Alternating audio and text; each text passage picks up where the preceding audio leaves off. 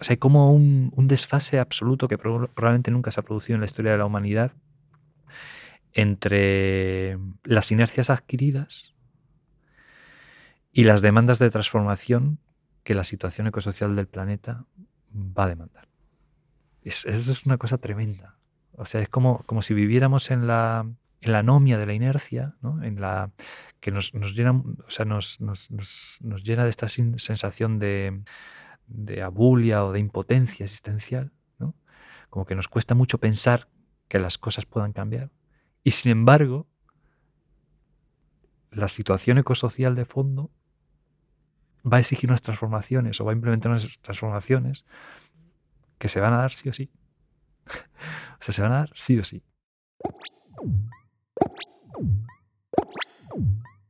Jaime Bindel es investigador, docente y ensayista. De un tiempo aquí ha puesto el foco en el estudio de la relación entre las metáforas de la física termodinámica y los imaginarios culturales de la modernidad fósil, en pos de una revisión ecopolítica de la historia del arte y la cultura visual. En Estética Fósil, Imaginarios de la Energía y Crisis Ecosocial, su libro más reciente, Pindel revisa el papel decisivo que han jugado los combustibles fósiles y las producciones culturales en los dos últimos siglos, naturalizando una cosmovisión productivista tendente a legitimar prácticas ecocidas y extractivismo colonial, y que pronuncia, aún más si cabe, la ruptura radical de los ciclos ecológicos en los modos de producción. En este podcast conversamos con Jaime Bindel sobre arte, entropía y economía. Entramos en museos y gasolineras para entender su materialidad. Hablamos sobre las exposiciones universales del siglo XIX y cómo la extirpación de los objetos de sus lugares de origen se vincula directamente al proceso de degradación ecológica. Observamos sus estructuras de hierro y cristal hasta llegar al hormigón.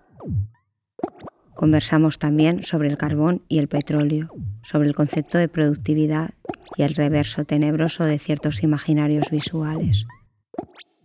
Para cuando llegamos al momento actual de crisis ecosocial con posibles salidas tecnosolucionistas y ecofascistas desde el borde mismo del precipicio,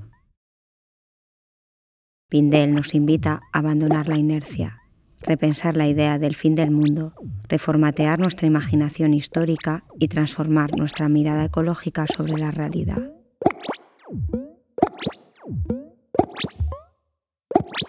En relación con el antropoceno, eh, bueno, sabéis que es un término acuñado por, por, por para describir lo que identificaría como una mutación geológica del planeta, que sería constatable al menos después de la Segunda Guerra Mundial, ¿no? con la proliferación de isótopos radiactivos a, nivel planetario y con otra serie de alteraciones geológicas, ¿no?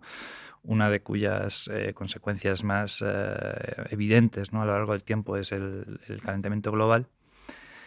Pero en verdad, eh, al margen de ese origen en el campo de la geología, pues es un donde todavía se sigue debatiendo si tiene sentido o no de hablar del antropoceno como, una, como un periodo posterior al Holoceno. Eh, es un concepto que ha tenido como mucha, mucho recorrido en, la teoría cultural. Y tiene cosas eh, inmensamente positivas eh, que, por ejemplo, han redefinido los discursos post o decoloniales ¿no? en torno a cómo el extractivismo epistémico, cultural, ¿no? que ha caracterizado la modernidad colonial desde al menos la conquista de América, también tiene una vertiente estrictamente material, que tiene que ver con el despojo y la acaparación de, recursos materiales procedentes de, la naturaleza en esos, en esos territorios, con una racionalidad expansiva que pasa por encima de los cuerpos y de la naturaleza. Esa me parece que es la vertiente más eh, interesante del antropoceno, eh, frente a otras otras narrativas que, rechazaría de pleno. ¿no? Por ejemplo, existe una narrativa según la cual el antropoceno eh, no es más que la culminación de una suerte de esencia maldita que habitaría el corazón de la especie humana, por la cual desde que inventamos el fuego para cocer los alimentos y reducir los tiempos digestivos, pues sería casi un preludio de la quema de los combustibles fósiles, ¿no? como si la especie estuviera destinada finalmente a llegar a un momento en el que eh, pues, eh, sufriera una excitación por la cual eh, no deseara otra cosa que recurrir a los recursos de la necrosfera, el carbón y el petróleo, para acelerar la producción de riqueza y así contaminar la atmósfera y, y gestar su propia destrucción. ¿no? Hay una narrativa del antropoceno que es esa que me parece sumamente perversa eh, eh, por varios motivos. Eh, primero porque es sumamente despolitizadora y también porque deshistoriza absolutamente por qué en algún momento, en un momento determinado, luego si queréis podemos hablar de eso, se recurrió al carbón y al petróleo para proseguir el, desarrollo de la, de la, modernidad industrial o para relanzarlo de, de una manera decisiva. ¿no? Y luego, además de, eso que acabo de comentar, creo que hay un problema con las narrativas de antropoceno y es que tienden a, aunque, por ejemplo, eh, sí que hay artistas eh, ¿no? que se situarían dentro de, de este tipo de ópticas que enfatizan mucho las cuestiones geopolíticas, ¿no? O sea, como eh, las luchas por los recursos, ¿no? Se encuentran detrás de realidades sumamente ominosas que se pueden vivir en, África, Asia o América Latina, ¿no? En el llamado sur global, por ejemplo, no sé, la, explotación que, se, que sufren eh, los trabajadores. Eh, además muchos de ellos niños, ¿no? en las minas de coltán, que es un, un, mineral esencial, por ejemplo, para la fabricación de teléfonos móviles, pues ha movilizado algunos esfuerzos artísticos para visibilizar eso. Digo, eh, aunque eh, ponen ese acento en cuestiones de lucha geopolítica por los recursos y lo que eso supone, sin embargo, las narrativas del antropoceno eh, creo que tienden a invisibilizar las asimetrías ¿no? en términos de clase, raza y género con las que enfrentamos la crisis ecológica. Creo que ese es su principal problema. Y en, ese sentido me parece que las narrativas más próximas a este otro concepto, el concepto de capital oceno, eh, sirven para eh, desmontar algunos de los rasgos más problemáticos que acabo de, comentar. Dentro de las narrativas del capítulo Ceno, que son, ya digo, aquellas las que me siento más próximo, pues también hay a su vez diversas versiones. Eh, algunas tienen que ver con disquisiciones teóricas que probablemente no sean muy pertinentes o muy interesantes para lo que estamos aquí debatiendo, pero sí que me interesa rescatar, por ejemplo, el, punto de vista de, Andreas Malm, que de alguna manera también es como una suerte de referente fuerte para el, libro que publiqué el año pasado de, Estética Fósil. Mann publicó hace ya unos cuantos años, en el 2016, si no lo recuerdo mal, un libro que se titula Capital Fósil, eh, que ha sido recientemente traducido por eh, Capitán Swin al, castellano, y donde la tesis que él maneja, eh, frente a lo que acabo de comentar a propósito de ciertas narrativas del antropoceno, es que en verdad el recurso a los combustibles fósiles tuvo un origen, una motivación básicamente sociopolítica. ¿no? Es decir, no había un motivo eh, vinculado a cuestiones de eficiencia energética o de precio que hiciera que eh, la clase capitalista que impulsó la, modernidad industrial en, Gran Bretaña ¿no? Eh, tuviera que elegir el recurso al carbón en lugar de, las corrientes de agua. O sea, las corrientes de agua ya estaban activando con anterioridad las ruedas hidráulicas que a su vez activaban eh, los telares mecánicos ¿no? de la industria textil en, Inglaterra. Lo que sucede en verdad es que eh, ese modelo hidráulico eh, pues dependía de la intermitencia del flujo del agua y por otra parte exigía una coordinación mucho mayor entre la clase capitalista para repartir las corrientes de agua y activar los diferentes molinos, ¿no? Eh, o las diferentes ruedas hidráulicas que el, carbón. El carbón y en general los combustibles fósiles podían ser extraídos de las minas, pero eh, eran mucho más fácilmente transportables a las ciudades y por tanto, digamos, podían ser empleados de manera deliberada, eh, instrumental, si se quiere, por esos empresarios, ¿no? sin tener que depender de la intermitencia del flujo que caracterizaba a las, al modelo hidráulico. ¿no? Esos dos modelos, el modelo fósil y el modelo hidráulico, convivieron durante un tiempo, pero eh, lo que argumenta Mann es que en la medida en que las luchas del primer movimiento obrero consiguieron fijar la jornada laboral en 10 horas, eso hizo inviable el modelo hidráulico. O sea, si tú tienes 10 horas para que los trabajadores realicen un trabajo en el ámbito de la industria, tú tienes que aprovechar al máximo esas 10 horas. Eso no lo puedes hacer con las corrientes de agua. Lo tienes que hacer con una fuente de energía primaria, en este caso el carbón, que te permite intensificar la producción por cada unidad de tiempo. Este es el concepto de productividad que atraviesa la modernidad capitalista, que atraviesa la modernidad fósil en los últimos dos siglos. Lo vivimos nosotras. O sea, nosotras no tenemos conciencia, no vemos el carbón y el petróleo eh, que se quema constantemente para que nuestro trabajo sea posible. Pero sin embargo, la subjetividad que se crea, la relación que mantenemos con el tiempo es esa.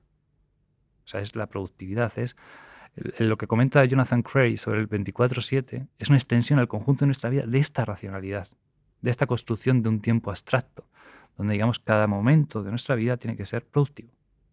Eso se gesta, paradójicamente, después de una victoria obrera. O sea, la conquista de la jornada laboral de 10 horas, además permitió en los años 40 del siglo XIX pues eh, eh, bueno, regularizar el trabajo de las mujeres y de los, y de los niños, tuvo como respuesta por parte de la clase capitalista recurrir a una fuente de energía, el carbón, que, que no exigía coordinación entre ellos. O sea, ellos podían comprar tanto carbón, ¿no? necesitaban organizar la corriente de los flujos de manera colectiva y eh, que permitía, ya digo, intensificar la producción por cada unidad de tiempo. O sea, ya no era lo que Marx llamaba la plusvalía absoluta, que dependía de que, de que los trabajadores estuvieran o las trabajadoras estuvieran más tiempo trabajando, que es algo que también el capitalismo ha intentado, sino que lo, esencial es que durante el tiempo en que estuvieran trabajando, trabajaran con la, máxima intensidad posible. Eso es algo que eh, es, interesante el modo en que Mann analiza eh, cómo, frente a, a la presunción por la cual pudiéramos dar por sentado que eso es algo que sucedió en el siglo XIX, en la, al menos en la primera mitad en, Gran Bretaña, y que por tanto hablamos de un, de un contexto espaciotemporal que ya nos queda lejano, bueno, en verdad eso mismo, desde, su perspectiva, se ha replicado en China y la India durante las primeras décadas del siglo XXI. O sea, es como, como si esa modernidad fósil no solo, digamos, ayudar a explicar el tipo de relación con el tiempo que en general mantenemos los trabajadores eh, a lo largo de la historia del capitalismo en los dos últimos siglos, sino que se ha replicado casi de manera, en fin, eh, no idéntica, pero sí muy similar en muchos aspectos, en lo que han sido los procesos de reordenación del territorio en China, donde crecientes masas de población se han eh, ubicado en las ciudades para constituir una, suerte de ejército de reserva, de mano de obra barata que ha alimentado la producción industrial durante el neoliberalismo. Y aquí sí que basta que veamos de dónde proceden muchas de nuestras prendas para darnos cuenta de que esto es una realidad material constatable. Pensemos, por ejemplo, en lo que ha supuesto la creación de ciudades como Shenzhen. O sea, Shenzhen era una villa de pescadores que de repente se, se constituye una ciudad de 10 millones de habitantes. O sea, el, el tipo de transformaciones socioecológicas que se han dado en un contexto como el chino son de una magnitud eh, que deja en realidad la, revolución industrial y sus efectos sobre el territorio británico en una anécdota histórica. Y nos cuesta mucho eh, ponernos en, esa situación, y que en realidad ha hecho posible justamente toda la división internacional del trabajo que caracteriza el neoliberalismo. ¿no?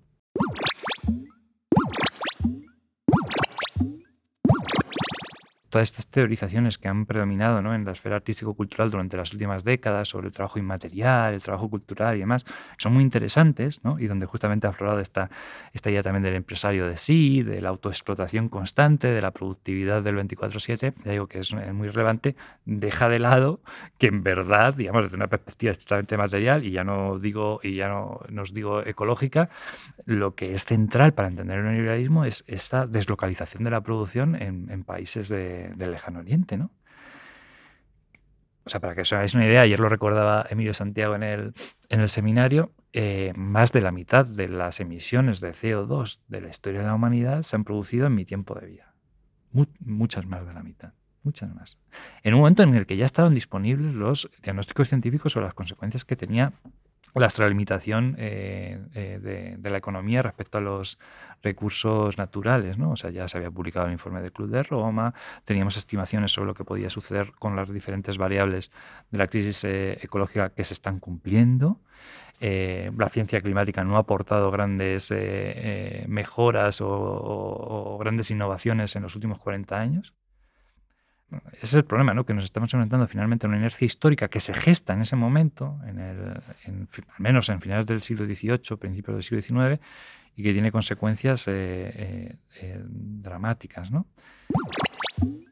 Lo que subraya ahí con, mucha claridad Mann ¿no? es que en verdad hay razones que tienen que ver con los intereses de clase, en este caso de la clase capitalista, que están detrás del origen de esa modernidad fósil y que se replican permanentemente a lo largo de los últimos dos siglos. Entonces tú no puedes obviar esa cuestión. ¿no? A su vez, y creo que esto tiene mucho sentido, Mann ha sufrido críticas pues, de ciertos discursos más vinculados a las ecologías raciales, porque claro, en su relato ¿no? de esa gestación del modelo fósil en torno a la industria textil, que como sabéis es, la industria textil es como el corazón del desarrollo de la modernidad industrial, pues olvida, y es, cierto, eh, olvida que, claro, qué material están utilizando eh, eh, esas industrias, ¿De dónde procedía? Eh, apenas habla de la importancia del algodón, de la vinculación que eso tiene con las plantaciones de esclavos ¿no? en, el, Caribe. Ahí hay otra narrativa también sobre la crisis ecológica, a veces se denomina como planta, plantacioceno. ¿no? El trabajo ¿no? no solo está dividido a nivel internacional, sino que está dividido en términos de raza. O sea, digamos, la, sin, duda, eh, probablemente no hubiera sido posible ese desarrollo sin la constitución de una clase asalariada en contextos como el británico, pero tampoco sin la constitución de las plantaciones esclavistas en el, en el Caribe, ¿no? de mano de obra que entraba, digamos, en ese tráfico entre esclavos, prendas y recursos energéticos ¿no? que caracteriza eh, la modernidad atlántica. Eh, del siglo XVIII, siglo XIX y, demás. ¿no? Entonces, hay otra dimensión que han subrayado también eh, algunas eh, autoras particularmente, eh, que tiene que ver con cómo la raza también constituye un elemento central para entender el desarrollo mismo y, la posibilidad misma de ese capitaloceno, ¿no? de, esa centralidad que el vínculo entre capital y combustibles fósiles adquiere en la modernidad. De hecho, hay narrativas actuales que subrayan cómo el, cuerpo de, los esclavos, ¿no? La, constitución de, la negritud eh, era asimilada a los recursos geológicos. Había como una continuidad, como una percepción eh, muy similar, un imaginario compartido entre cómo la, blanquitud eh, occidental contemplaba los cuerpos de los esclavos y cómo contemplaba los recursos materiales y energéticos en, los contextos del sur global que también de alguna manera nos ayudaría a comprender en, el presente eh, el tipo de, subordinación eh, eh, y de exclusión que las llamadas minorías raciales experimentan en los más diversos contextos. ¿no?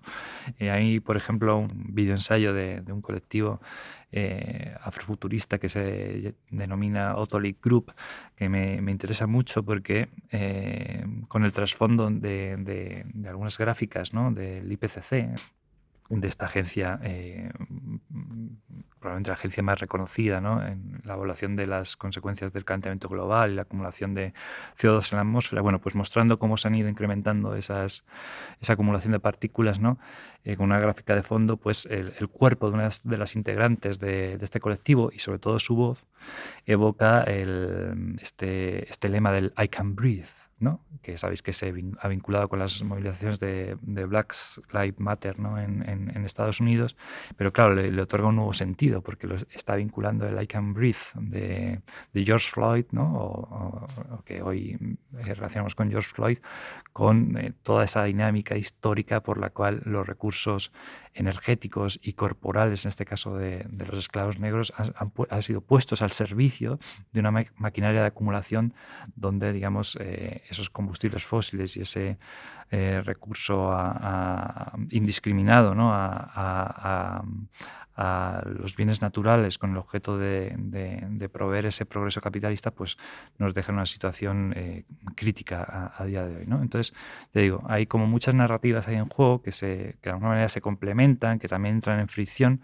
pero que nos abren como nuevos ángulos para comprender desde también desde una perspectiva estética, en la medida en que son aprendidas y reformuladas por los propios artistas, el momento en el que, en el que nos encontramos.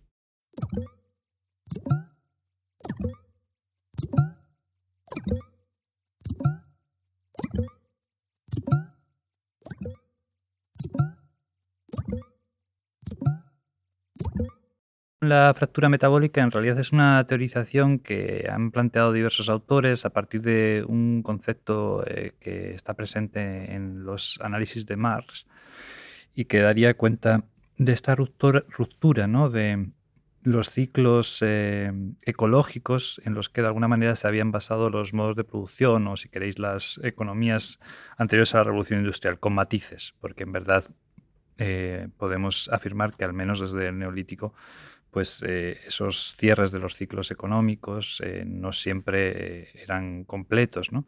Pero sí que es verdad que la revolución industrial y la extensión del, capitalismo hacen proliferar esas fracturas ¿no? que tienen como base la, ruptura, ¿no? la cancelación de esos ciclos. por ejemplo, en la medida en que la fuente primaria de energía de la revolución industrial de las corrientes de agua que están basadas en esos ciclos a los combustibles fósiles, que están sujetos a una dinámica de agotamiento con la que hoy nos topamos, pues obviamente lo que sucede es que la, economía y la historia misma adquieren una dinámica lineal, en la cual tarde o temprano toparán con los límites. ¿no? Eh, esa sería una de las fracturas eh, metabólicas, o sea, eh, cómo la dependencia energética de la modernidad industrial rompe con una concepción circular de esos inputs energéticos para pasar a una dinámica de, de agotamiento. Otra tendría que ver, por ejemplo, con la ruptura de los ciclos agrícolas, o sea, cómo eh, los nutrientes ¿no? que alimentaban la agricultura preindustrial procedían básicamente de los abonos orgánicos que proveían pues, la, que proveía la propia ganadería. De hecho, había una, eh, una vinculación mucho más estrecha entre ganadería y eh, agricultura previamente al recurso a los fertilizantes químicos. ¿no? O sea, en la medida en que los fertilizantes químicos ya no requieren del abono de, de las vacas o del ganado que acompañara a, a la producción agrícola en geografías, pues mm, esos agricultores pueden prescindir del, ganado. ¿no? Y esos fertilizantes químicos, a su vez, requieren de ciertos minerales que también están sometidos a una dinámica de escasez, que es otro de los problemas que encontramos hoy, por ejemplo, en relación con los nitratos, los fosfatos y todas las tensiones geopolíticas que eso genera, por ejemplo, en torno a un conflicto como el del Sáhara Occidental, ¿no? que es una zona eh, del planeta rica justamente en, fosfatos. Entonces, esa sería una, segunda fractura metabólica. Eh, que además, si queréis, luego se ha visto incrementada ¿no? a lo largo del siglo XX con la creciente dependencia de la agroindustria de los combustibles fósiles, particularmente el petróleo, y, de, esas, eh, de esos fertilizantes, fertilizantes eh, artificiales, ¿no? que se sitúan, si queréis, en un momento previo a lo que luego sería la aplicación de la ingeniería genética las semillas y, en fin, todos los fenómenos que hoy, que observamos y que, según algunas voces, pues también estarían detrás incluso de la propia gestación de la pandemia del coronavirus, ¿no? En la medida en que el modelo agroindustrial, dependiente de los monocultivos, de los combustibles fósiles y demás, devora crecientemente masas forestales en diferentes partes del mundo y eso hace que tanto los animales como los humanos, pues estén más expuestos a conectarse con cepas víricas que hasta entonces habían estado aisladas ¿no? en ciertas zonas selváticas o boscosas de África o de Asia.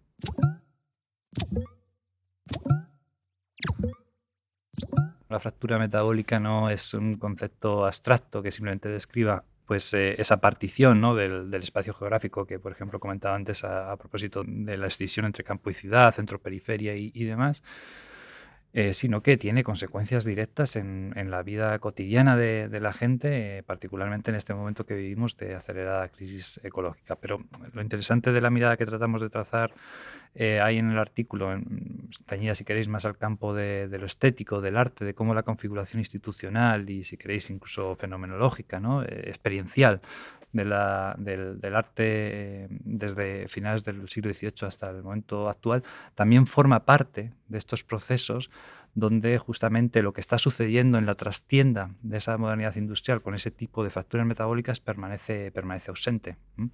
justamente la experiencia estética que tenemos en los museos a su vez está integrada en la vida que experimentamos en el conjunto de las ciudades, ¿no? que vive completamente de espaldas a todo este tipo de realidades que, que comentamos. Esto que, vengo relatando sobre la fractura metabólica y el, aislamiento, eh, incluso perceptivo, que experimentamos en las ciudades respecto a toda esta trastienda que, que acabo de mencionar, ¿no? de lo que supone la industrialización del campo, la concentración de la población en las ciudades y demás, hace que eh, cuando cobramos conciencia de las realidades ecológicas y de la crisis en que estamos inmersas, tendamos a experimentarla o a confrontarla en unos términos individuales, un tanto moralistas, que por supuesto no, debemos eh, dejar al margen. Quiero decir, es importante introducir eh, cambios de conducta y de hábitos en nuestra vida cotidiana, tratar de comprar en la medida de lo posible productos eh, de proximidad, todo este tipo de cosas, pero a su vez lo que yo trataría de subrayar a lo largo de la charla es que me parece que un ecologismo que se quede eh, cernido ¿no? a, los cambios, a las transformaciones en los modos de vida o los estilos de vida, es un ecologismo que tiene un alcance muy relativo. Es un ecologismo burgués en, el doble sentido de la palabra, ¿no? de citadino, de, eh, y, pero también eh, que interpela una determinada clase social ciertos segmentos sociales. ¿no? Y creo que es eh, fundamental que en ese sentido el, ecologismo ¿no? eh, se plantee en, una dimensión mucho más, eh, mucho más amplia, ¿no? que interpele de manera estructural lo que es la organización de ese, de ese metabolismo, ¿no? del tipo de, de vínculo ¿no? que establecemos con, con la naturaleza en, en, los procesos que activamos, no solo desde una perspectiva energética, sino desde otras muchas perspectivas. ¿no? Entonces, Creo que esa transformación de nuestra mirada ecológica sobre la realidad debe ser un poco más compasiva con nuestros hábitos y mucho más eh, agresiva con las estructuras de poder que están detrás de esa organización.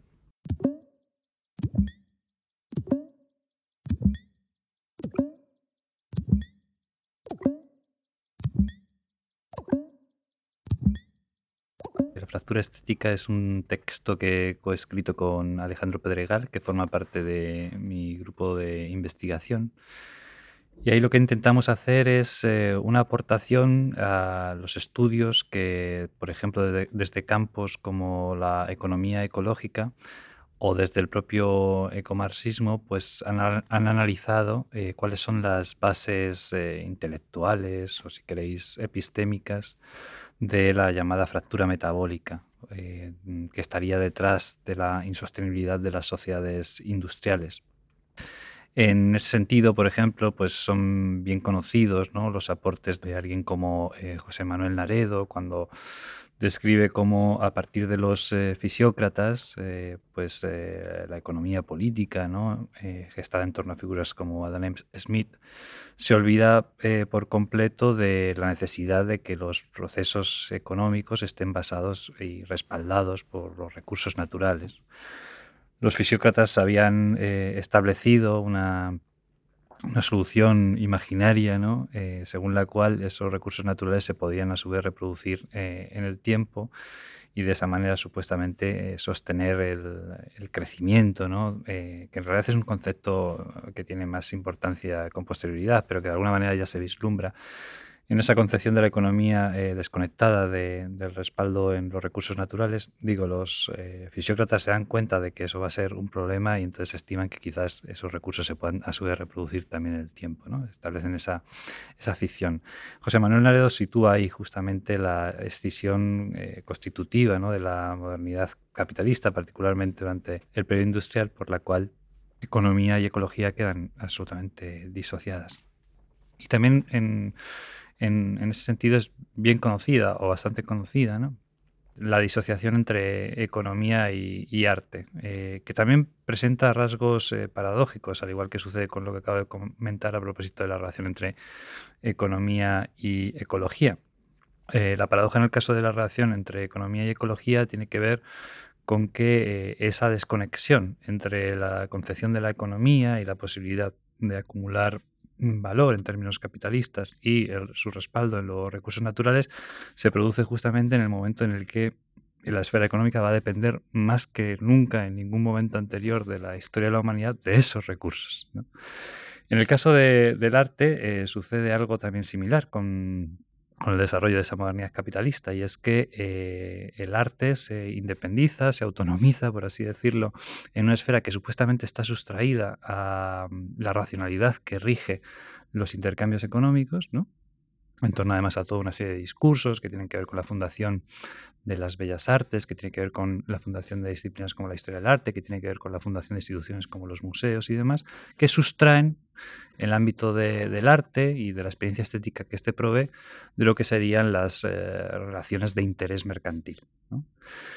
Y como digo, paradójicamente eso sucede en un momento en el que esa dependencia del arte o su inserción en el mercado es mayor que en cualquier otro momento de la historia. O sea, de alguna manera lo que viene a suceder con el desarrollo de esa modernidad capitalista es eh, una consolidación de ciertas tendencias que ya se habían apreciado, al menos desde el Renacimiento, y que, por ejemplo, alguien como Rembrandt ya tenía muy claro, ¿no? O sea, ese perfil comercial también del arte, al margen de lo que era estrictamente la, creación, ¿no?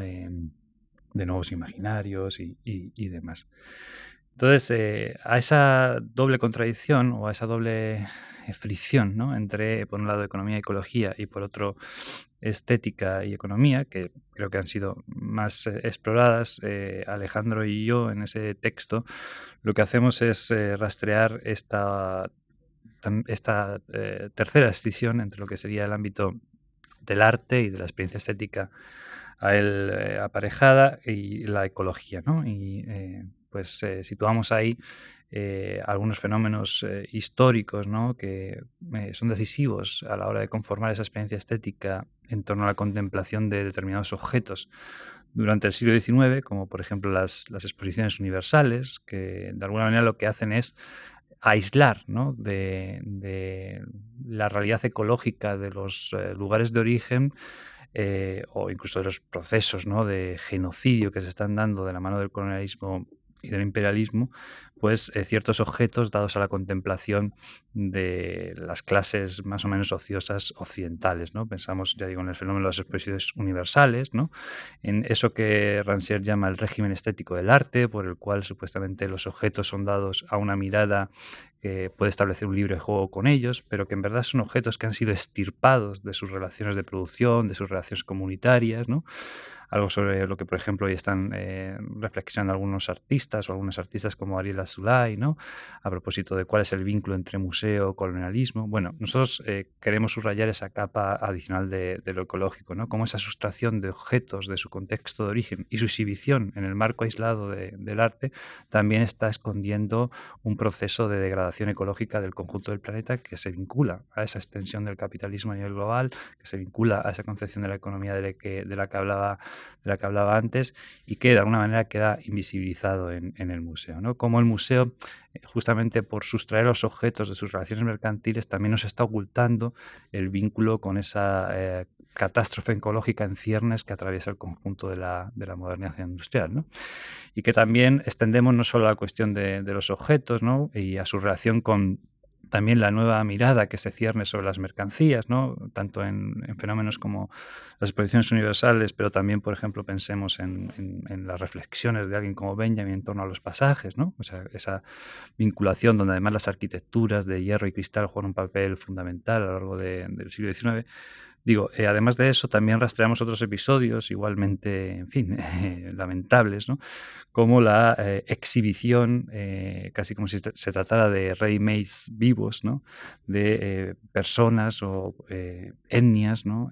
comunidades procedentes de algunos de esos lugares donde el colonialismo se estaba intensificando. ¿no? Entonces ahí rastreamos, por ejemplo, la exhibición de personas en diferentes exposiciones a finales del siglo XIX, principios del XX, incluyendo algún ejemplo relativo al, contexto español, ¿no? que es muy interesante porque de alguna manera trataba de imitar a través de exposiciones como la que tuvo lugar en, en el Palacio de Cristal en las últimas décadas del siglo XIX, trataba de imitar tanto la arquitectura en hierro y cristal de esa modernidad industrial a la que España se quería sumar, como los delirios imperiales que estaban teniendo, que estaban atravesando esa expansión de la modernidad capitalista y la hegemonía europea, pero en un momento en el que España en verdad eh, veía eh, peligrar. Eh, un, un, imperio que, que ya estaba en franco, en franco declive.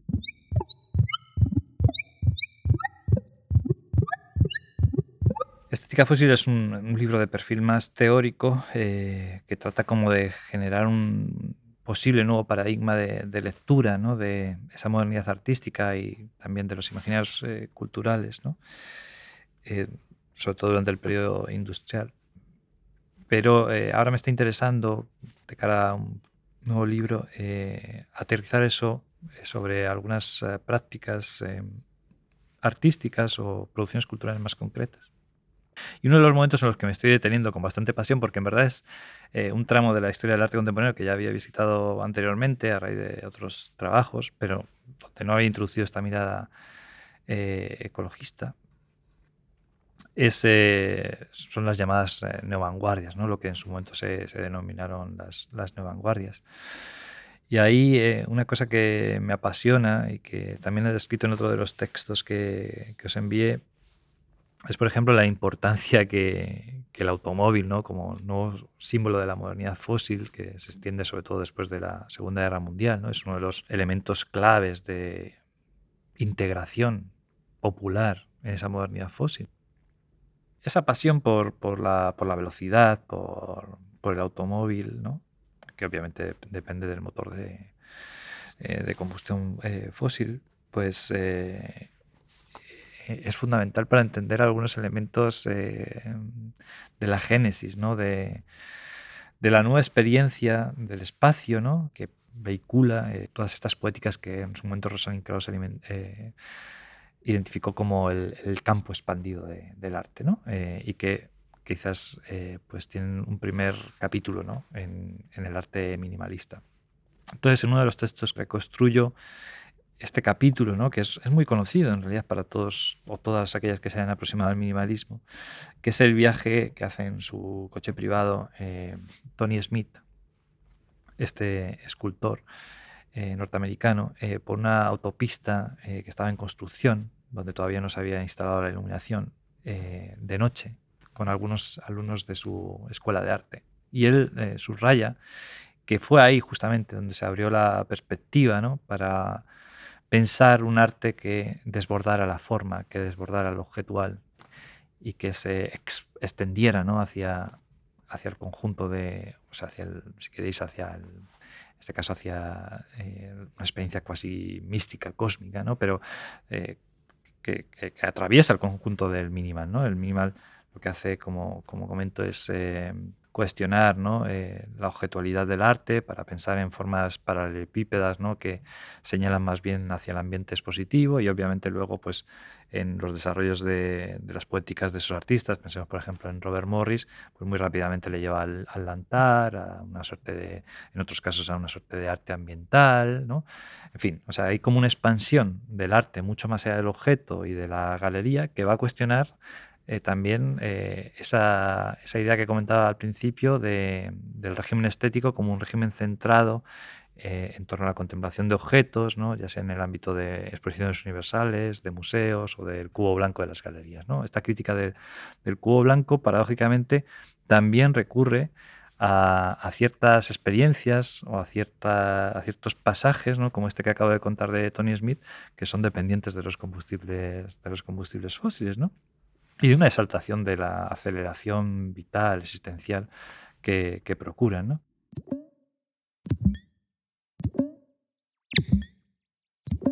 Tony Smith, eh, su mujer era cantante de ópera, entonces se había radicado en Nuremberg, en Alemania, en Hamburgo, creo que Hamburgo, Nuremberg, ahora no lo recuerdo bien, pero el caso es que eh, él abandona Estados Unidos y se instala junto a, su pareja ¿no? en, Alemania, y entonces eh, en, este mismo pasaje donde recordaba a posteriori lo que había sido esa experiencia de la autopista, ¿no? y la importancia que había tenido para él en su evolución artística y esa apertura hacia el, hacia el minimalismo y la crítica del, objeto de, arte, pues eh, la pone en, relación directa con otra experiencia automovilística que él mismo tiene en, en un espacio muy connotado históricamente en Nuremberg, ¿no? que aunque él no lo menciona, él habla en realidad de que aquello es como una suerte de, de espacio para eh, pues, eh, aeroportuario o para las paradas militares y demás, en realidad es el espacio que había construido eh, Albert Speer, ¿no? este arquitecto del, nazismo, para los grandes mítines del nazismo. O sea, los grandes mítines del partido nazi tuvieron lugar en ese espacio que eh, Smith simplemente analiza como, como, una réplica de esa experiencia expandida que él había tenido en automóvil en, en Norteamérica. Entonces, ahí tramo como una reflexión acerca de cómo los combustibles fósiles también tuvieron un efecto no solo digamos, en, la, posibilidad de proveer una nueva experiencia estética del mundo y demás, sino que también tuvieron un, un efecto de olvido del pasado inmediato, ¿no? de la memoria inmediata de lo que había supuesto la Segunda Guerra Mundial, particularmente en una subjetividad como la de un artista norteamericano como, Tony Smith. El tipo está hablando de esa pasión por la velocidad y por las grandes esplanadas en un lugar donde habían tenido, donde habían acontecido apenas 15 eh, años antes todavía eh, algunos de, estos mítines del partido del partido nazi. En realidad, eh, además, ese espacio bueno, había sido anteriormente un aeropuerto de, teledirigibles, ¿no? que es otro símbolo también de la modernidad industrial. En fin, trato de analizar cómo la, propia evolución del arte contemporáneo está atravesada por el impacto de, los combustibles fósiles y de, esa nueva cultura de posguerra, ¿no? Que en realidad se construye no solo sobre las ruinas de lo que había sido la Segunda Guerra Mundial, sino también sobre su olvido. Incluso mm, una cosa que me acabo de fascinar es que ese mismo espacio actualmente se utiliza para hacer carreras de, coches. ¿no? como las capas de sentido se van eh, superponiendo sobre, sobre el olvido del sentido histórico eh, bastante en fin, eh, crítico que tuvieron esos, esos espacios. Y en el caso del arte conceptual, lo que trato de subrayar ahí más bien es la paradoja por la cual, en, el momento en el que desde una perspectiva infraestructural, ¿no?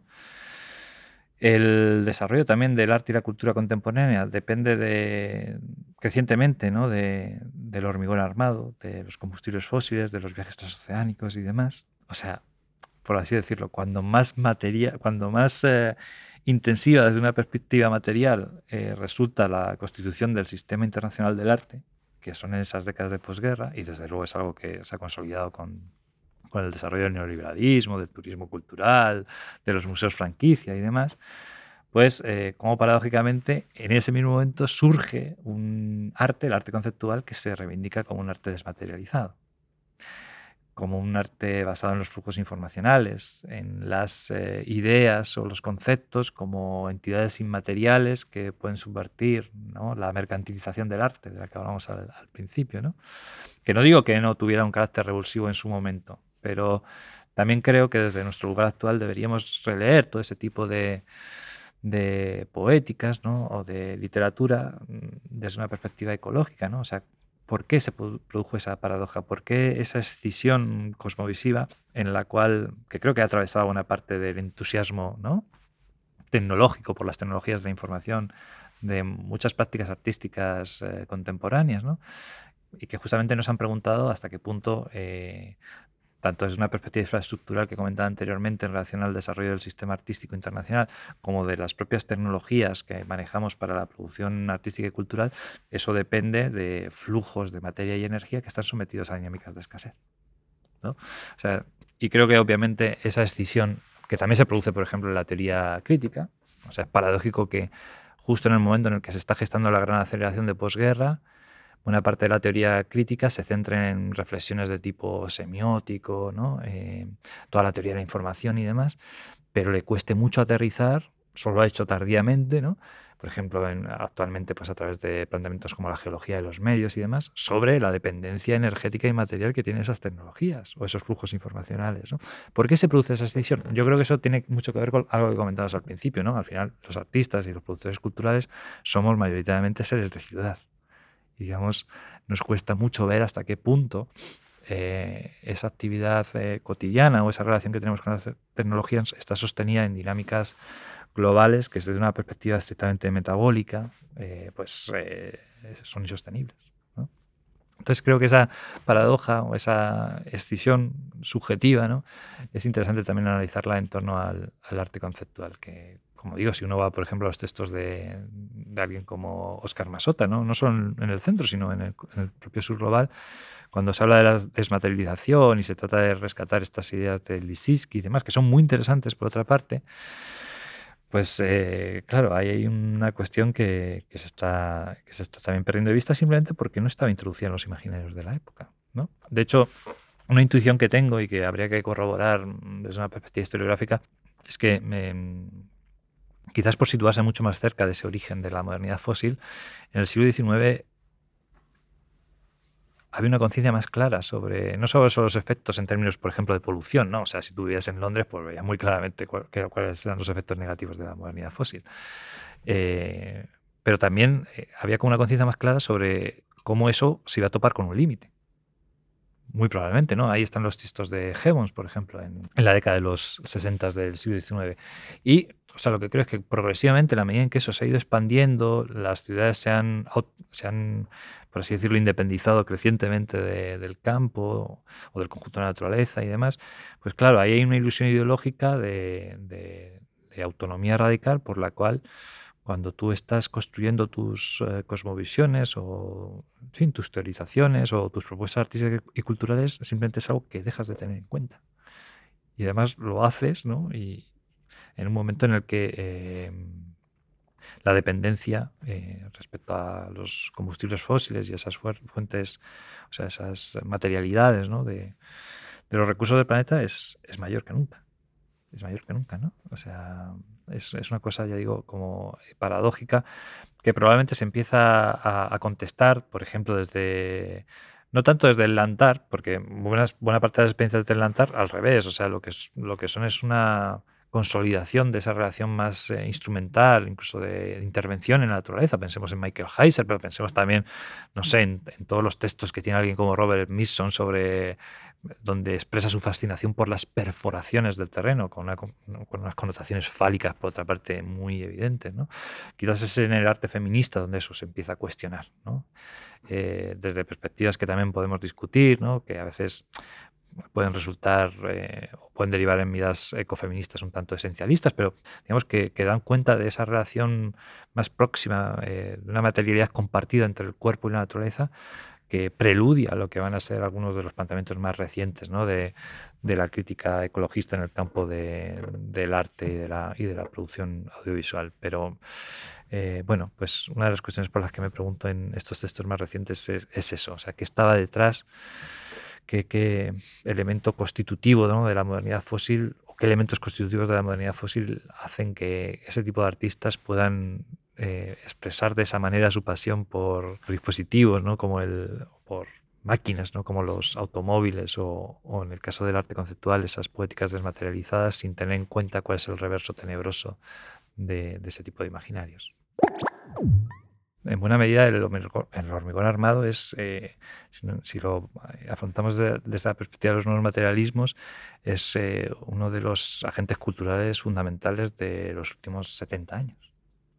O sea, no hubiera sido posible concebir eh, la trama que desde una perspectiva material establece, establecen los circuitos culturales a nivel global sin combustibles fósiles, sin hormigón armado. Es así.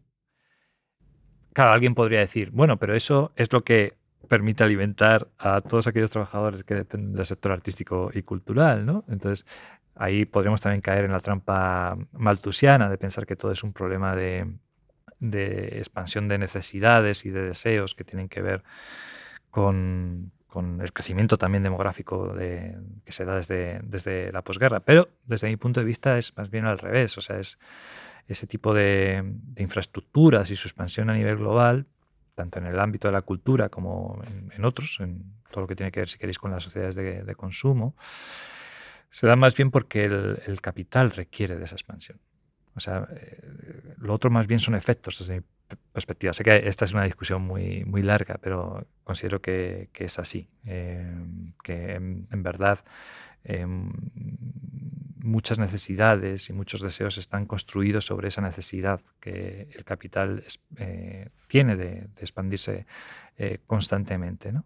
O sea, no digo que, nuestros deseos y necesidades se reduzcan para nada a eso, pero en este caso me parece muy evidente. ¿no? O sea, toda esa trama infraestructural que acabo de, describir es la que activa, por ejemplo, la especulación inmobiliaria con, con los suelos es la que activa desde luego las dinámicas de consumo que hoy relacionamos con las grandes superficies eh, comerciales.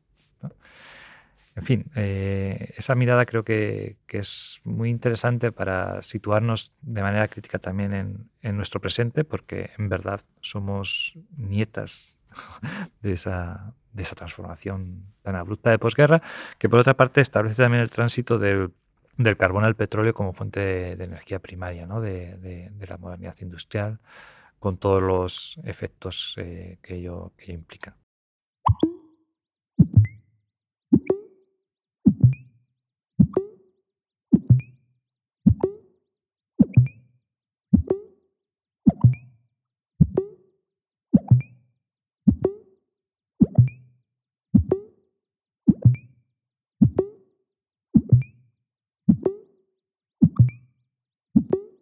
Ahí en el libro rescato otra serie de, capas ¿no? de esos discursos. Por ejemplo, eh, hay muchos eh, científicos ¿no? Eh, de, este campo ¿no? de, la termodinámica que tienen una vinculación muy directa, muy estrecha con el desarrollo industrial, incluso en términos de clase, de intereses específicos, ¿no?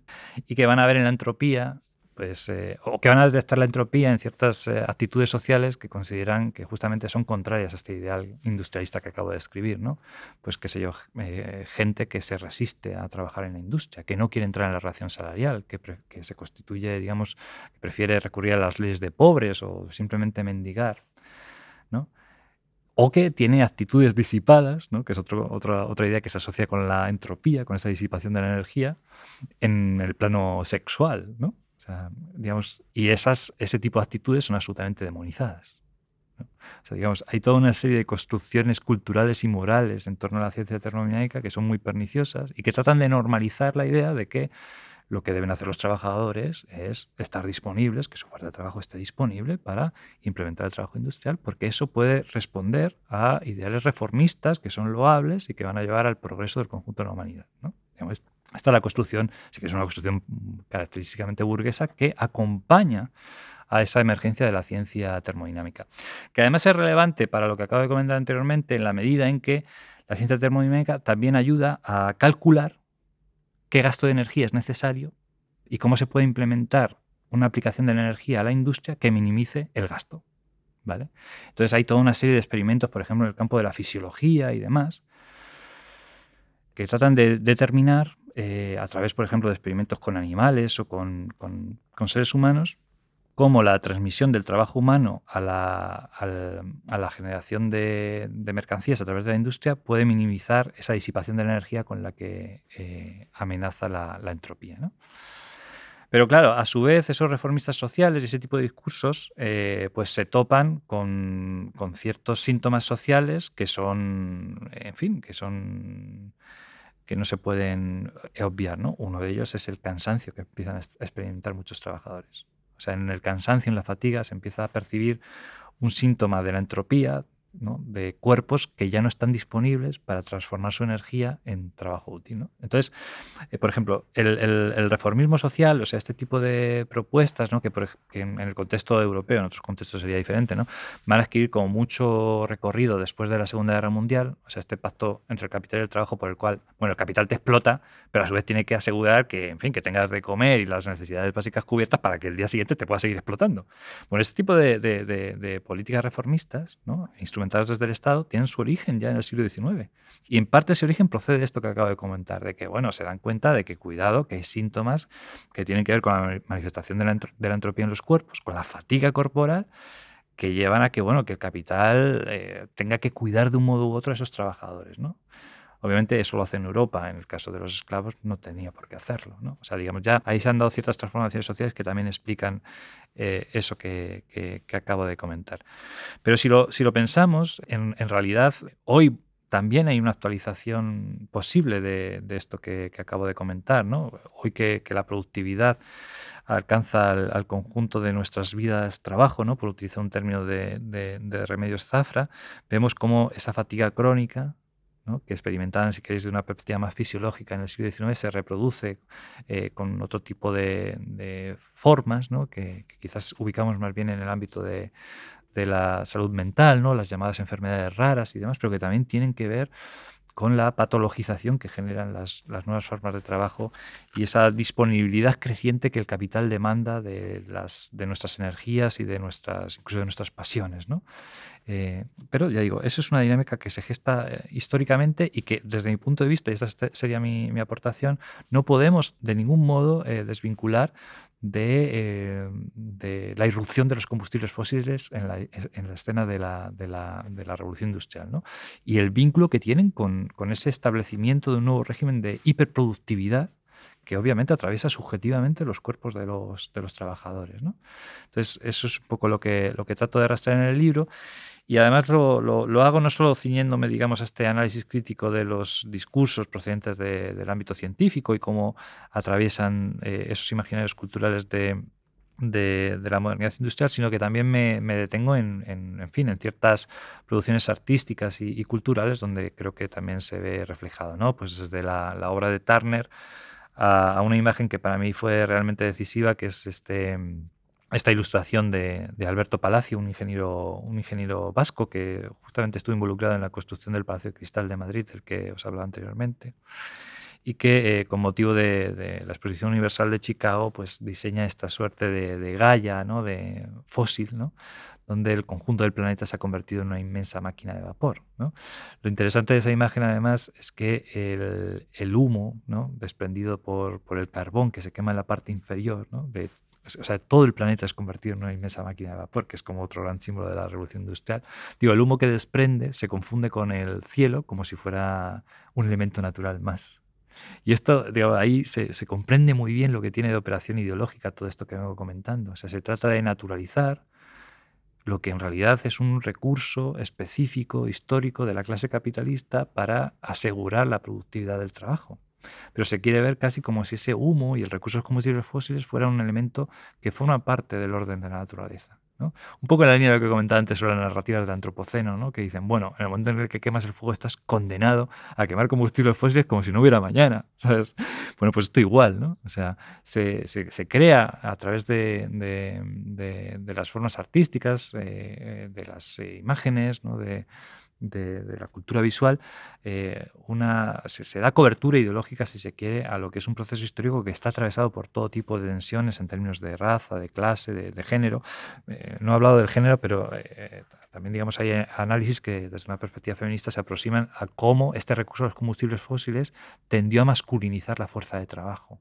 En la medida en que también la introducción de la tecnología hacía que el, eh, digamos, la, pericia técnica de, las, de los y las trabajadoras, las trabajadoras habían sido muy importantes en, el origen de la, de la industria textil, fueran menos relevantes. O sea, digamos, en la medida en que tú sustituyes la fuerza de trabajo por em, una maquinaria industrial que ya está especializada, pues lo que necesitan más bien son inputs energéticos, pero no necesariamente una pericia técnica. Entonces, eh, hay toda una serie de, análisis que son muy, muy relevantes, pero que sin embargo quedan neutralizados eh, en el contexto del siglo XIX por esa naturalización de, de la civilización industrial y esa asociación de Gaia con una suerte de máquina de vapor que naturaliza eh, lo que son procesos históricos eh, concretos y, que de alguna manera trato de, revelar en, el libro. Y en ese sentido también hay como una apuesta, si queréis, más, teórica de fondo que tiene que ver con, en fin, con el, modo en que creo que, sigue prevaleciendo, y esto es algo que, cuando he dado clases de historia del arte percibo que sigue vigente entre los, entre los estudiantes, ¿no? El, hecho de que pensamos que tanto esa imagen de Palacio como el juramento de los Horacios de David, ¿no? vienen siempre a posteriori de los fenómenos históricos. Es como que los fenómenos históricos suceden y luego el arte o la cultura crea imágenes de esos eh, eh, acontecimientos históricos que los representan, los resignifican o lo que fuere. ¿no?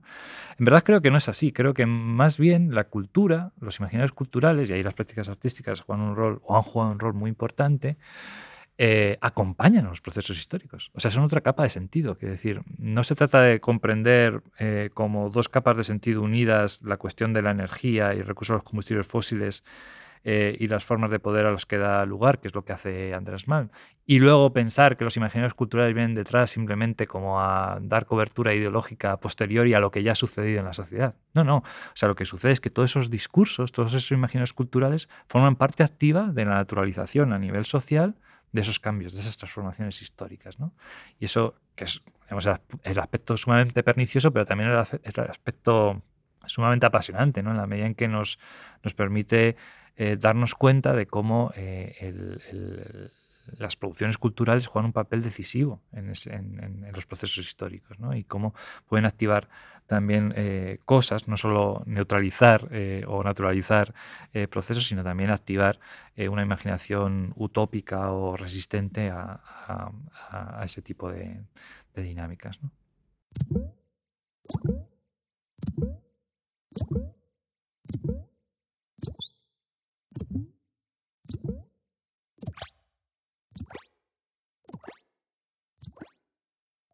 Creo que desde el punto de vista de la imaginación histórica somos eh, herederos del 89. Considero que ahí se produce un, cierre, ¿no? una, clausura que explica buenas parte de las formas eh, nostálgicas y, y melancólicas ¿no? que atraviesan a la izquierda cultural en el momento actual y la proliferación de este tipo de, de, serie, de series catastróficas o catastrofistas en, pues en Netflix y, las nuevas eh, plataformas de, de, consumo audiovisual. Hay algo que también comenta Andreas Mann en este libro del que hablaba anteriormente en Capital Fósil y que creo que, que es cierto. Eh, si lo pensáis, em, el modo en que se ha conseguido naturalizar la economía fósil es tan, tan hegemónico, ¿no? Hay otros motivos, creo, pero este, este es uno. Que nos cuesta eh, muchísimo imaginar algún tipo de intervención eh, agresiva en el sistema económico. Nos cuesta eso mucho más que eh, alimentar delirios como los que plantea la geoingeniería. O sea, es mucho más sencillo o, u otorgamos más posibilidad de éxito a una intervención masiva sobre el sistema climático que a una intervención mínimamente reformista sobre el sistema económico.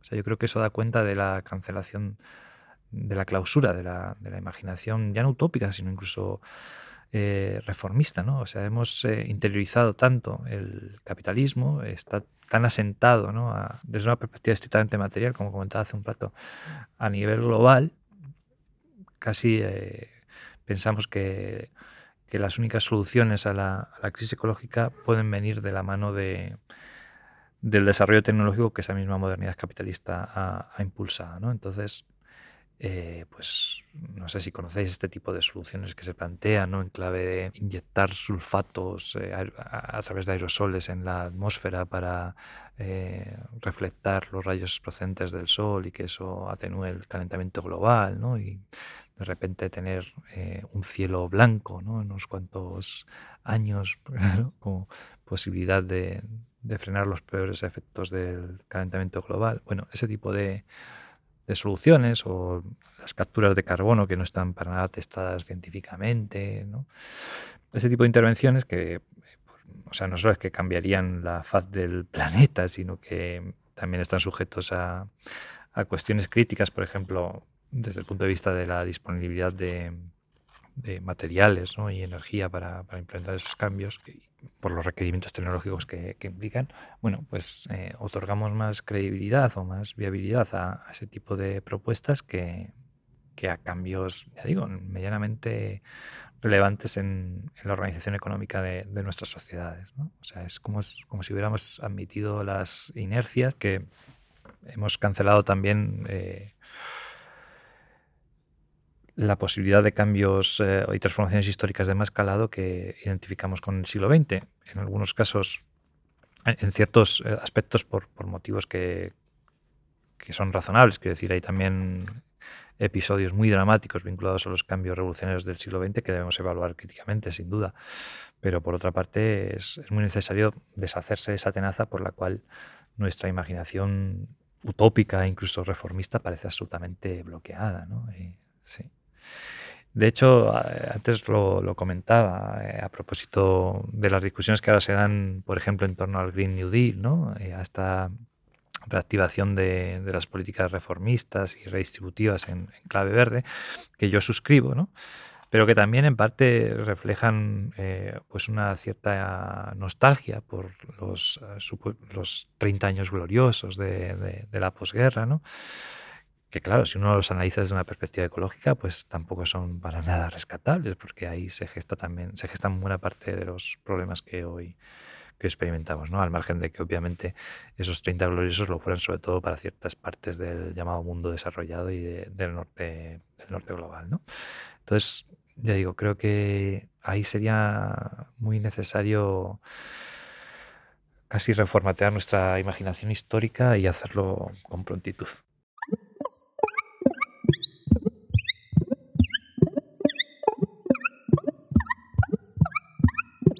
Hay un libro que se, ha publicado recientemente, bueno, se ha publicado recientemente en castellano de Wendy Brown, que se titula En, las ruinas del neoliberalismo.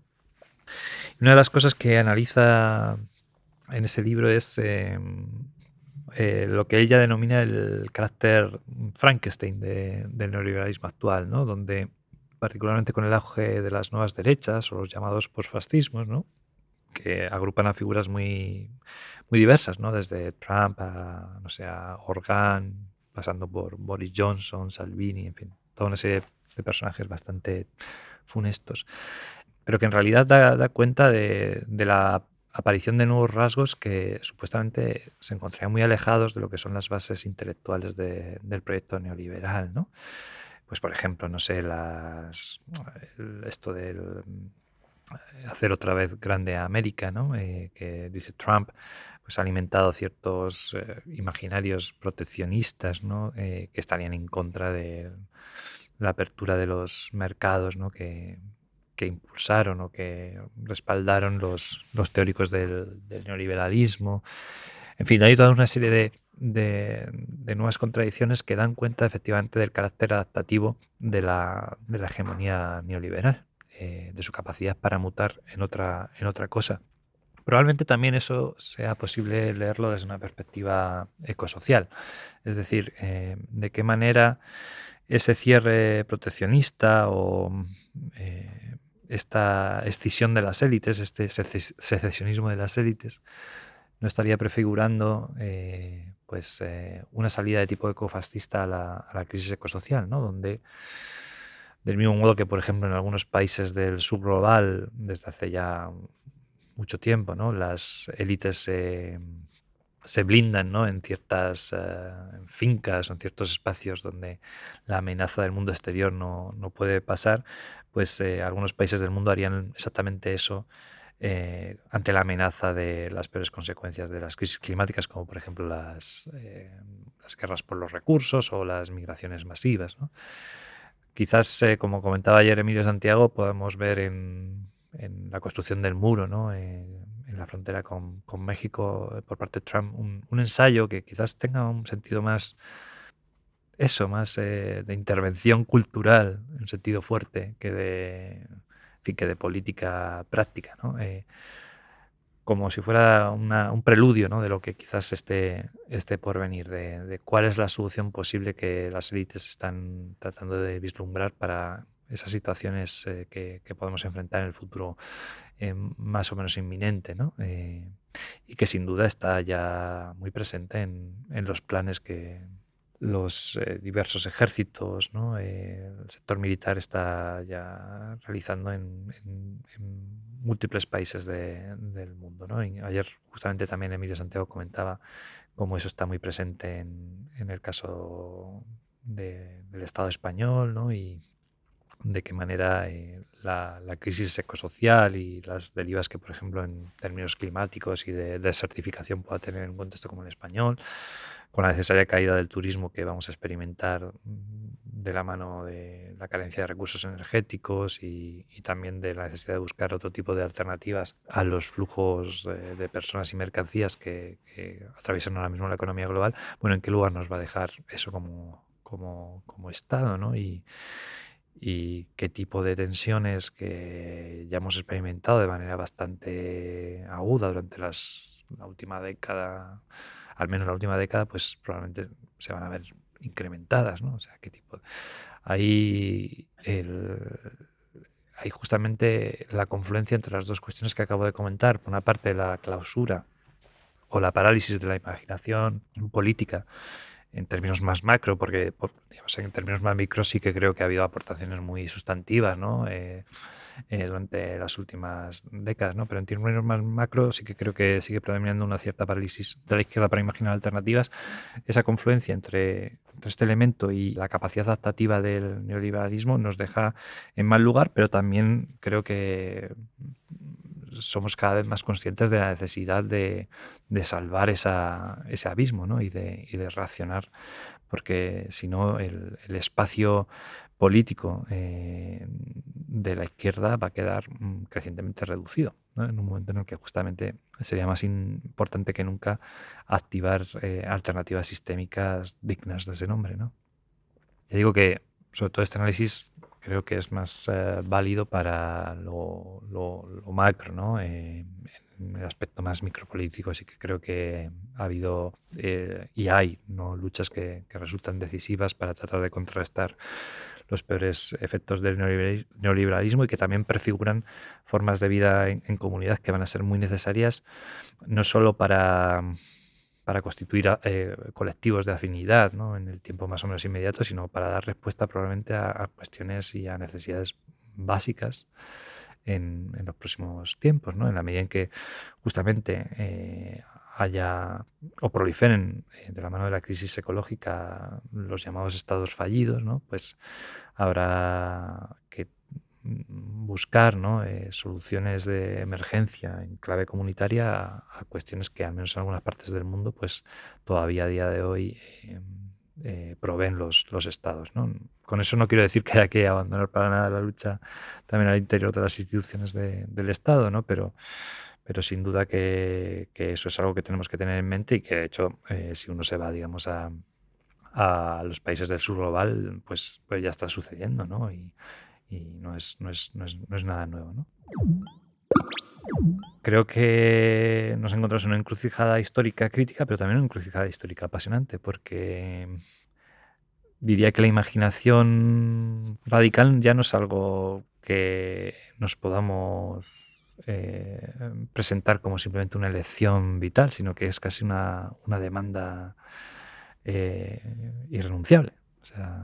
y creo que que en la medida en que la activemos eh, lo antes posible y nos hagamos cargo de ella en la medida de nuestras posibilidades, pues eh, evitaremos eh, topar también con límites que harán más dolorosos los cambios.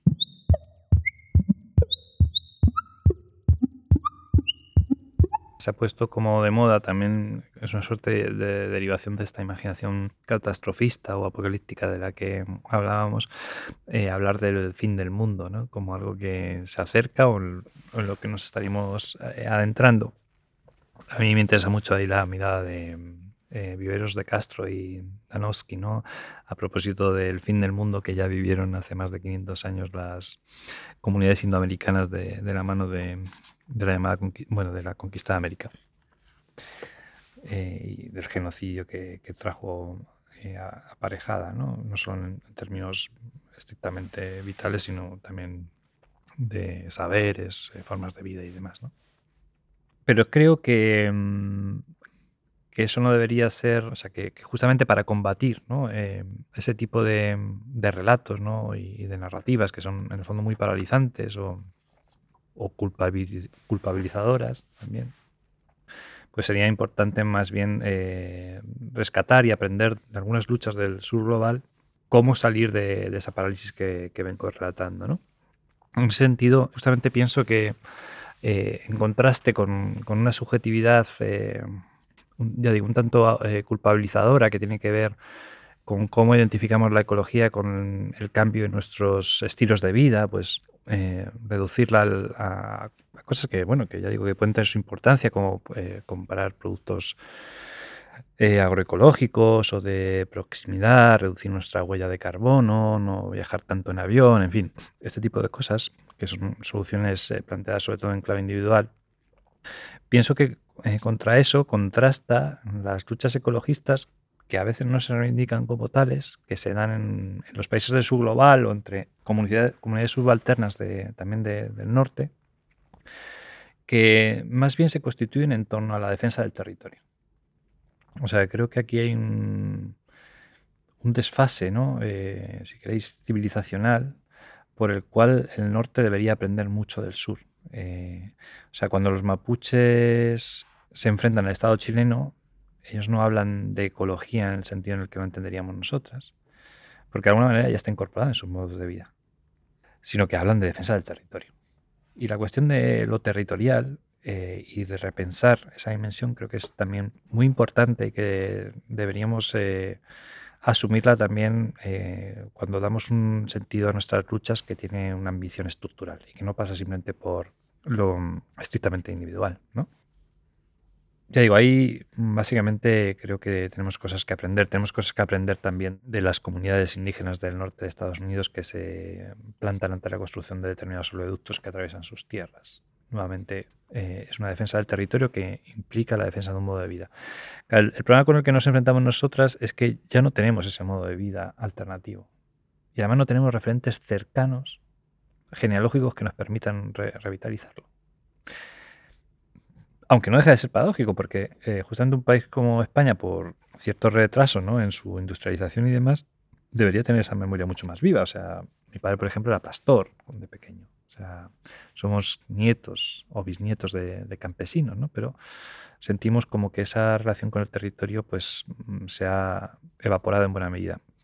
Quizás en contextos como el catalán o el vasco, por ejemplo, no sean así, no sea así por diversos motivos en los que no voy a entrar ahora y que quizás vosotras conozcáis mejor que yo.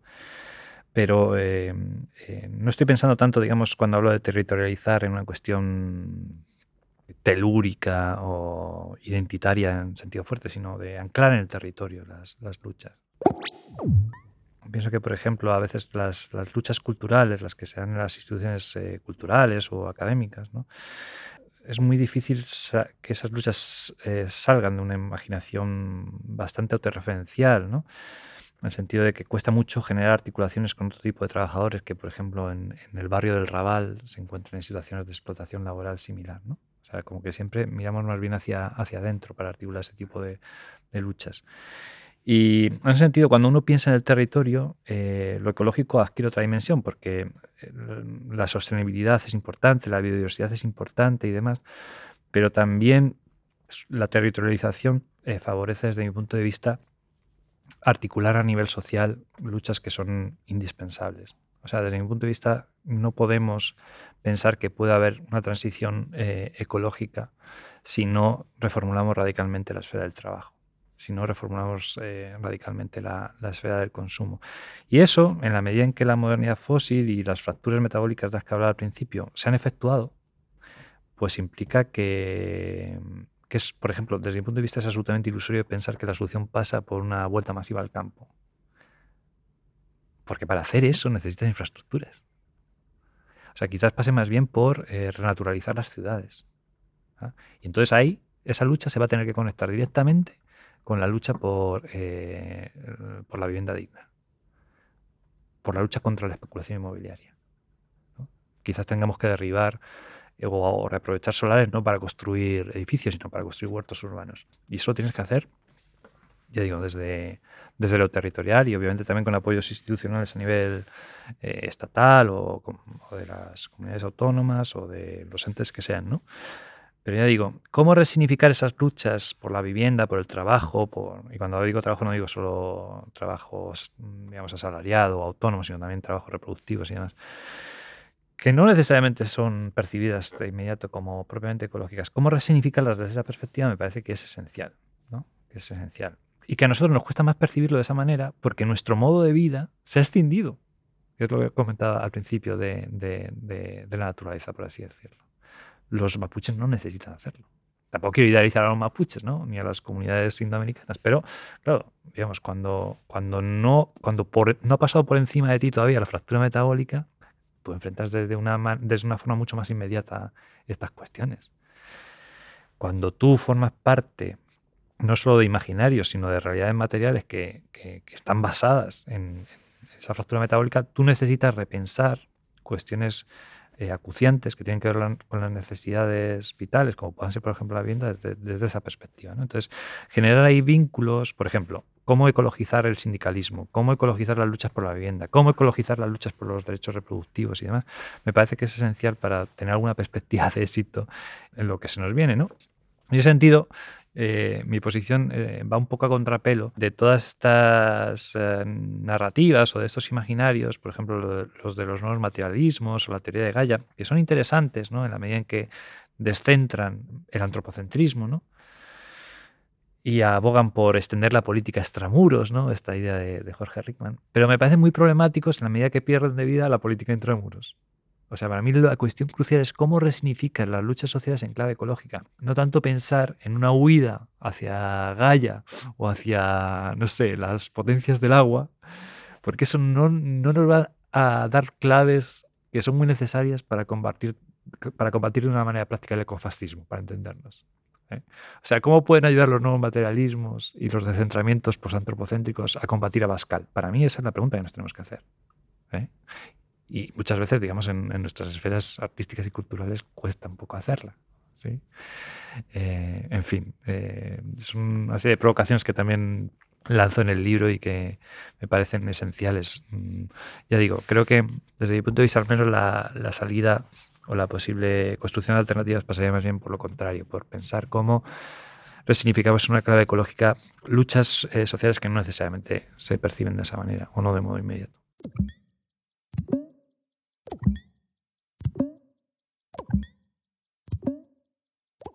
Creo que uno de los grandes errores del radicalismo cultural de, de, las últimas décadas, en la medida en que es fuertemente antiestatalista y fuertemente antinormativo, es haber perdido de vista que mm, si por algo se ha podido construir la hegemonía neoliberal a nivel global, que desde el punto de vista cultural es probablemente la, es una hegemonía con un grado de permeabilidad en las diferentes sociales desconocido en la historia humana, desconocido en la historia humana, es porque se ha sabido constitucionalizar.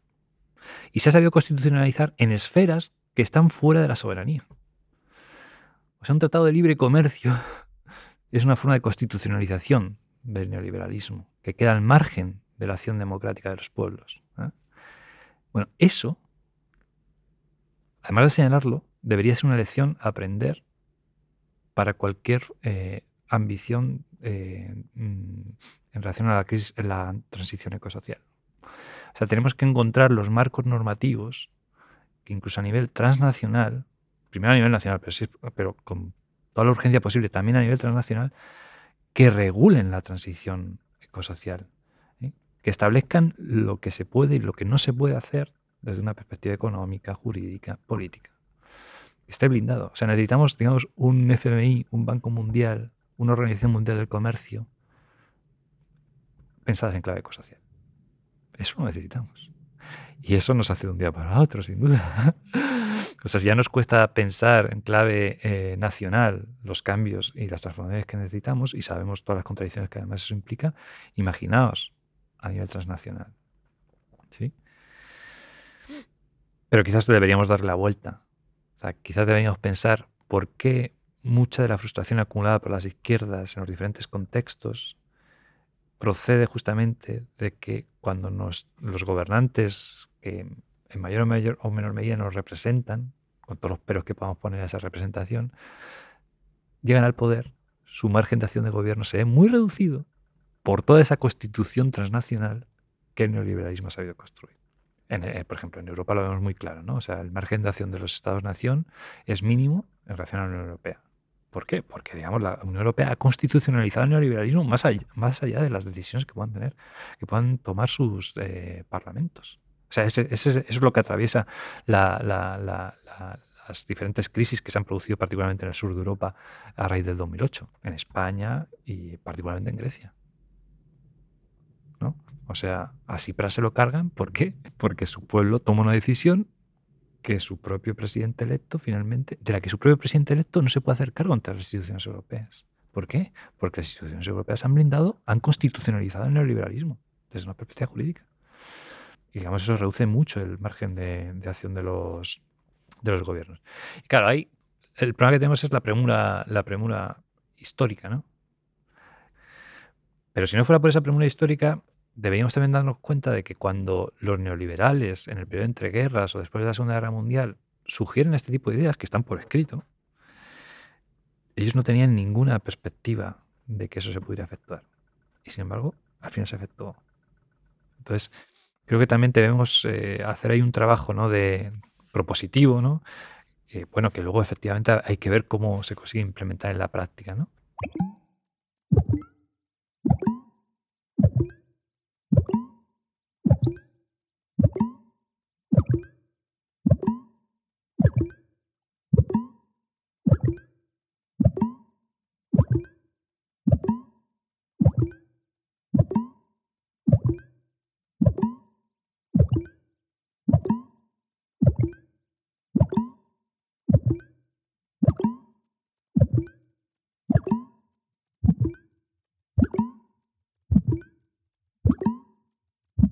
siento que convendría ¿no? que en términos emocionales saliéramos un poco de esta dicotomía optimismo-pesimismo. Eh, Creo que la, verdad, eh, aunque sea cruda, no debe atemorizarnos, sino que debe movilizarnos. Y en relación a la crianza, o sea, tampoco creo que eso debe ser un, peso en la educación de, las generaciones eh, futuras, ¿no? Eh, aunque sin duda van a enfrentar eh, realidades eh, cambiantes, ¿no?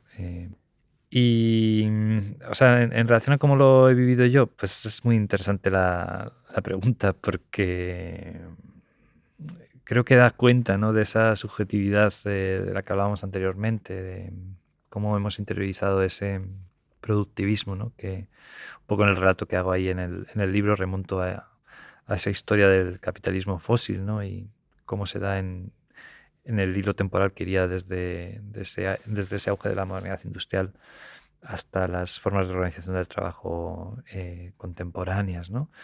Y en ese sentido, pues lo que ha supuesto para mí, la, o está suponiendo para mí la crianza, eh, que supone, claro, un compromiso con la corporalidad, eh, que tiene una materialidad también como muy descarnada, paradójicamente ha sido una liberación. A ver, desde una perspectiva feminista es muy comprensible ¿no? Eh, que la emancipación sea concebida como una socialización de los cuidados, porque las mujeres eh, han asumido y siguen asumiendo mayoritariamente esos, esos trabajos. Pero pienso que también hay un elemento interesante ¿no? en el modo en que, al menos en mi caso, los cuidados también implican eh, una forma de responsabilidad que abre un nuevo tiempo, una nueva temporalidad en tu existencia, que no puede ser la temporalidad de la productividad. O sea, creo que la productividad, eh, esta dinámica de la que he hablado y que tiene una base ecológica fuerte, está tan instalada en nuestra subjetividad que aquellas tareas que tradicionalmente hemos eh, identificado como momentos de compromiso con el otro que no son, en fin, que no son, que no deseamos y que no tenemos tampoco por qué desear, ¿no? Hoy en día tiene la capacidad de abrir un, tiempo, una forma de relación con el mundo diferente y solo y ya, y ya solo por eso las experimentamos como experiencias relativamente gratificantes, incluso cuando, cuando puede que no, que también eh, impliquen, como implica la crianza, sacrificio, cansancio, agotamiento, frustración y, demás. Entonces, eh, a mí me sucede, me sucede eso, que sobre todo en los momentos de pues más de esparcimiento, de juego, de, o de acompañar a tu hija a hacer el proceso de adaptación a la escuela infantil, siento la apertura de ese tiempo, que desde el punto de vista laboral es una pérdida de tiempo, como otro mundo posible. ¿no? Y ya digo, sin idealizar para nada la, crianza ni, los cuidados, porque sé que eso también es eh, muy problemático, eh, yo lo estoy experimentando como una experiencia liberadora.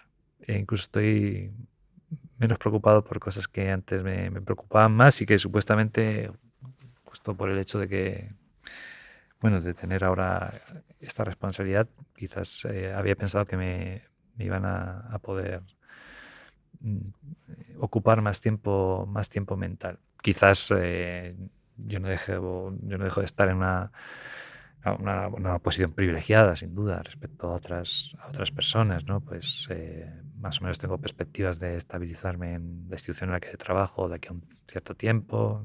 Mi pareja ahora muy recientemente se ha sacado una plaza de funcionaria, entonces eh, eso está bien que lo visibilice porque, claro, eh, eso facilita las cosas, ¿no? Pero también es verdad que, nosotros en, Madrid, pues, eh, por, el hecho de que mis padres ahora ya no están en, la ciudad, pues, bueno, tenemos tanto apoyo familiar como otras, como otras familias. Y bueno, hemos tenido que recurrir a una cuidadora en algún momento, y, pero eh, ya digo, eh, es, algo que me, hace pensar mucho, ¿no? cómo necesitas que se te imponga una realidad carnal como la de tener una hija para, para sentir que es posible experimentar el tiempo de otra manera.